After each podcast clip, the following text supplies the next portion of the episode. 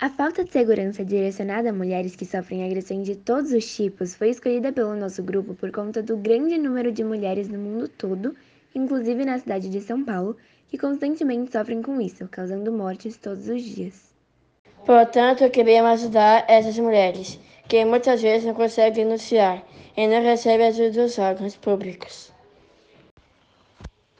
Só em São Paulo, no ano de 2019, em média, foram registrados 88 casos por dia de mulheres que sofreram agressão doméstica.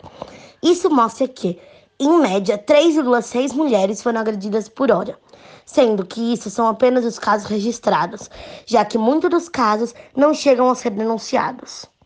Essas foram as razões que nos motivaram a escolher esse tema, visando aumentar o acesso das mulheres à segurança e assim diminuindo o número de casos de agressões, feminicídios e também violência sexual.